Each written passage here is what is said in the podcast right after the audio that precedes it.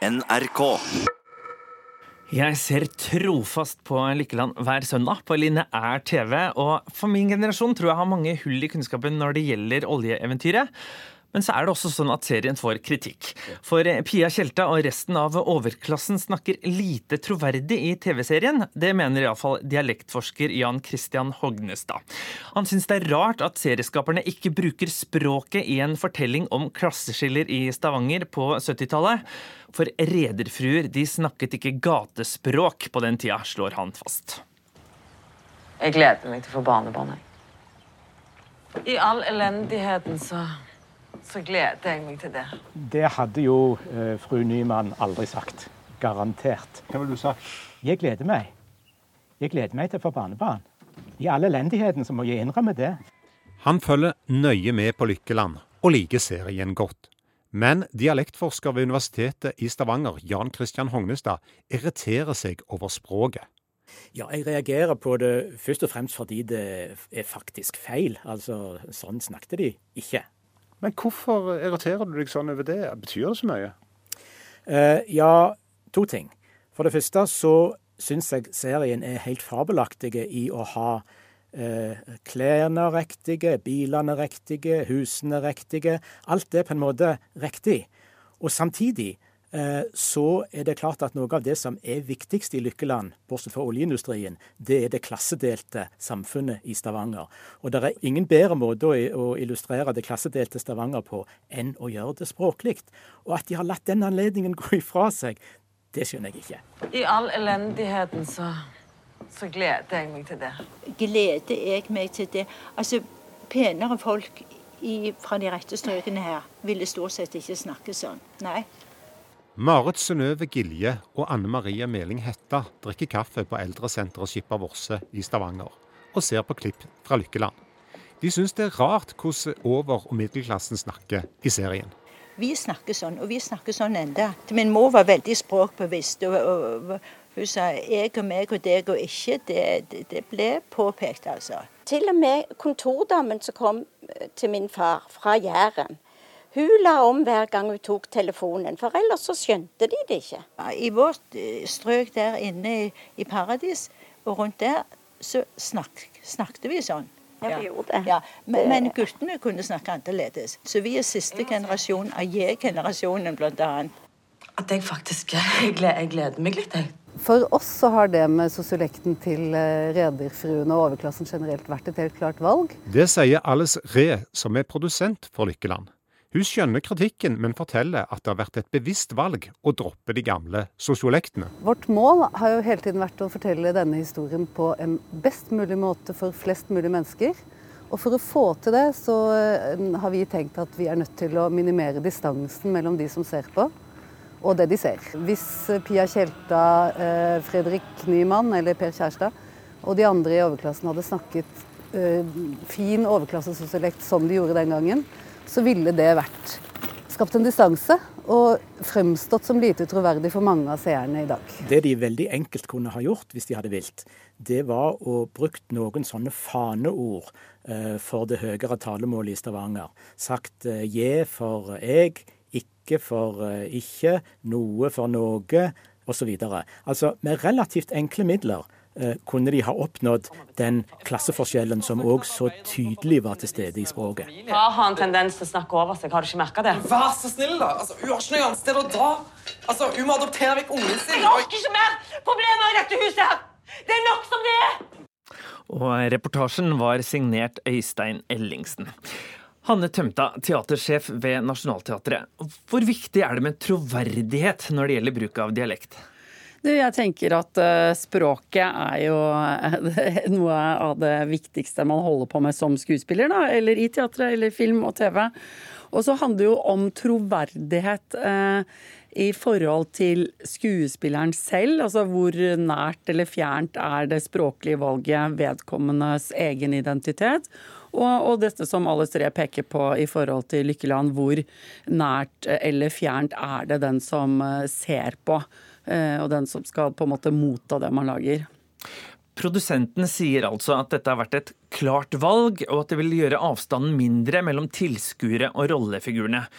Undervurderer man folk her, og deres evne til å forstå forskjellen mellom fattig og rik? Ja, men da kan du jo si altså hvem undervurderer egentlig denne diskusjonen? da, fordi at jeg opplever vel at uh, når man da etterlyser en historisk korrekthet da i forhold til sosiolekten som det her er snakk om, uh, så er man jo da opptatt av at skuespillerne bør snakke sånn som de snakket for at vi skal forstå. Mens dette prosjektet tar jo utgangspunkt i at det ikke er viktig, sånn at man ikke da bekrefter den stereotypien. Så det er jo, tenker jeg, på samme måte som man gjør andre valg. Altså, vi spiller Ibsen. Jeg leste akkurat for å minne meg selv på hvor mye man kan eh, hisse på seg språklig meget kompetente mennesker, så er jo dette med dialekt eh, noe som engasjerer eh, ordentlig, da. For Pia Tjelta, som er ansatt ved Nationaltheatret, hun brukte stavangerdialekt i Lille Eyolf, Ibsens berømte drama. Og hvilke reaksjoner fikk dere da? Nei, da, da, fikk vi fra eh, et par av kritikerne ganske klare bemerkninger på at rogalandsdialekten ikke nødvendigvis var egnet for Ibsen. Eh, mens eh, andre igjen overhodet ikke forholder seg til det. Fordi at man da, tilbake igjen til troverdighet, først og fremst oppfatter rolletolkningen til Pia Tjelta som veldig troverdig, og den når fram til oss. Når og hvorfor bruker man dialekt? Det er jo noe som er spesielt med landet vårt, da, i motsetning til mange andre land, er jo at vi har jo ikke et normert talespråk. Derfor så blir jo eh, dette med hvordan vi snakker eh, en het potet, da, rett og slett. Eh, både i forhold til eh, dialektbruk, nynorsken, eh, det at vi har eh, to språk. Men på teatret så bruker vi dialekt for å skape et uh, univers. Uh, for å, å, si noe om uh, karakterene. Vi, det er en diskusjon i hver eneste produksjon hvordan skuespillerne skal snakke. Og skal en skuespiller kunne lage alle dialekter? altså, skuespillere trenes jo. Du er jo skuespiller selv, så du vet jo at dialektovergang det er et eget fag. Så jeg tror at det viktige er å ha evnen til å flytte seg ut fra sin kjerne og det man selv er mest komfortabel med, og innta en annen. Klarer du å se Lykkeland uten å tenke over eller bli irritert av dialektbruk? det tror jeg kommer til å klare veldig. Jeg gleder meg til å se Lykkeland, det er vel svaret. Du kan se Lykkeland på NRK1 på søndager, altså, eller i nettspilleren vår. Og kanskje har vi beviset på at vi er et lykkeland når vi kan bruke tid og engasjement på å irritere oss over dialekten i en TV-serie. Takk for at du kom i studio, Hanne Tømta.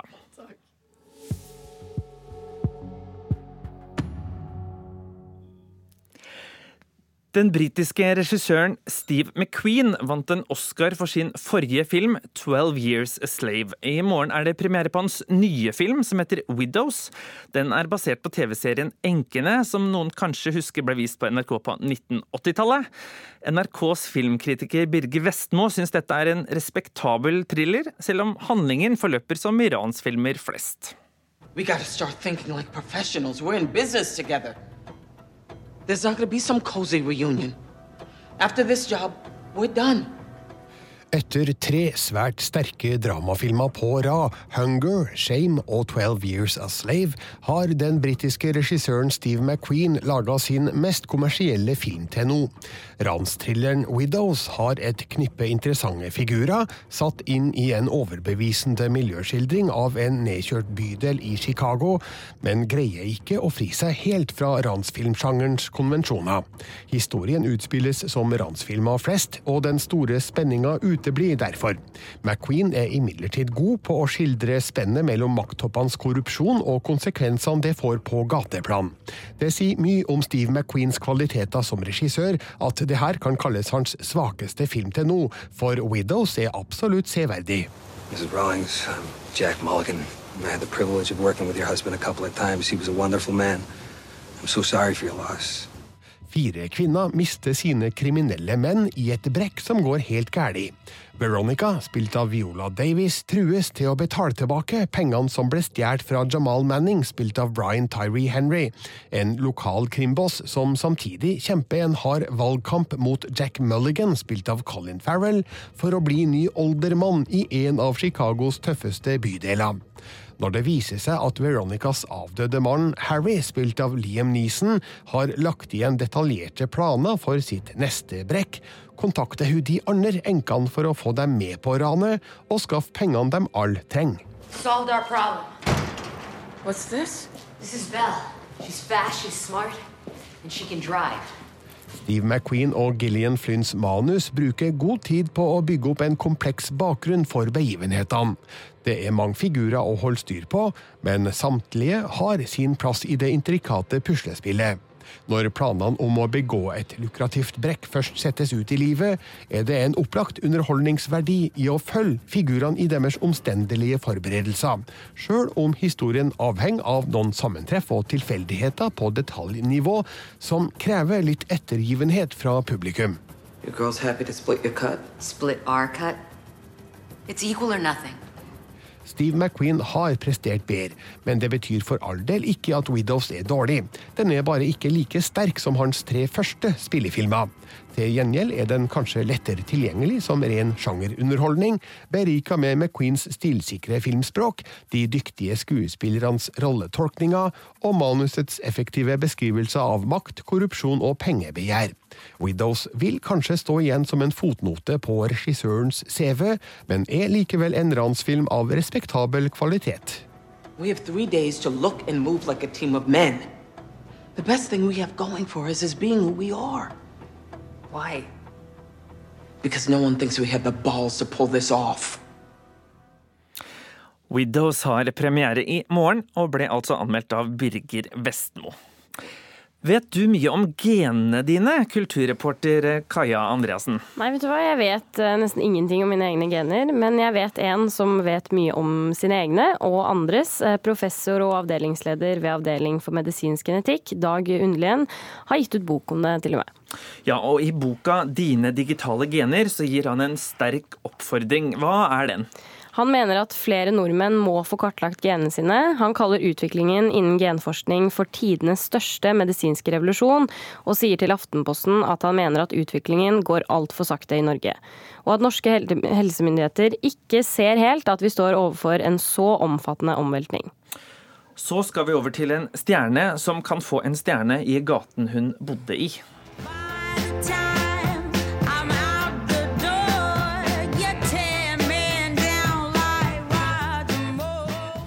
Vi hørte Amy Winehouse som gikk bort så altfor tidlig. Hollywood Walk of Fame, det er jo velkjent. Men uh, nå er det et annet land som får sin egen Walk of Fame, eller rettere sagt en metropol. Hvilken by er det snakk om, Kaja? Det er London det er snakk om, som får sin egen Walk of Fame. Neste år så vil det også være stjerner å se i en gate nord i London, hvor bl.a. Amy Winehouse bodde. 400 artister skal få sin egen stjerne, og de første åtte stjernene blir presentert i mars. En internasjonal komité bestående av bransjefolk og fans skal velge kandidater som fortjener å hedres på denne måten. Hvem som til slutt får den berømte stjernen, det blir stemt fra. Det blir spennende å se. Og det var Nyhetsmorgens oppdatering om kulturlivets mangfoldige verden.